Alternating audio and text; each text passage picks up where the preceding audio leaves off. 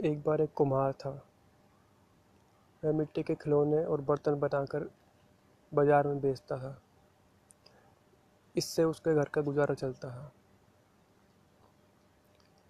लेकिन अब टाइम के साथ साथ मिट्टी के खिलौने और बर्तन कम बिकने लगे। उसके घर का गुजारा भी मुश्किल से चल पाता था। तब उसकी पत्नी ने उससे कहा कि अब तुम यह मिट्टी के खिलौने बनाना छोड़ दो। और शहर जाके कोई नौकरी करो, जिससे महीने के अंत तक हमें कुछ पैसे तो मिल सके और अब इस काम में कोई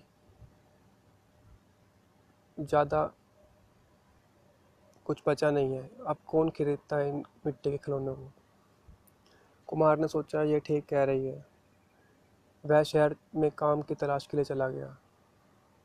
उसे एक घर में नौकरी मिल गई। वह वहाँ काम करने लगा। एक दिन उसके मालिक के बच्चे का जन्मदिन आया। तो सब लोग महँगे महँगे गिफ्ट लेके आ रहे थे। तो उसने सोचा कि मैं उसको क्या दूँ? तो उसने कहा क्यों ना मैं उसको एक मिट्टी का खिलौना बना के दे देता हूँ।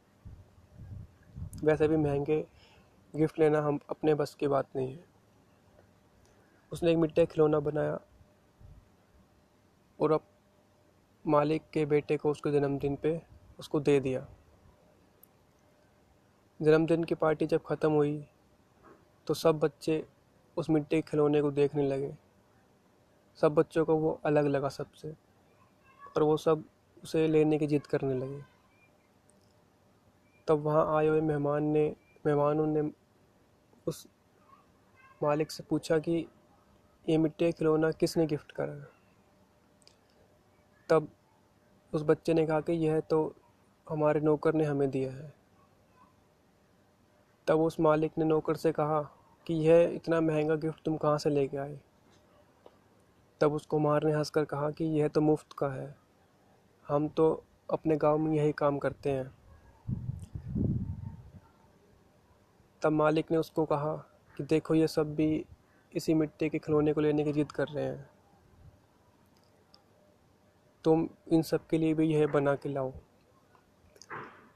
मालिक ने सोचा कि मिट्टी के खिलौने सबको पसंद आ रहे हैं। क्यों ना मैं इन्हीं मिट्टी के खिलौने का व्यापार करने लग जाऊँ।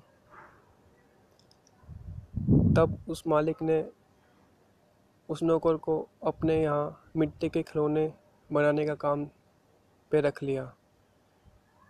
और वो वह भी मिट्टी के खिलौने बेचने का व्यापार करने लगा। और उसका व्यापार बहुत अच्छा चला। इससे उस कुम्हार को भी बहुत अच्छी तनख्वाह मिलने लगी। तो इस कहानी से हमें यह शिक्षा मिलती है कि अगर आप में हुनर है तो जीवन के किसी भी पड़ाव पे आप उसको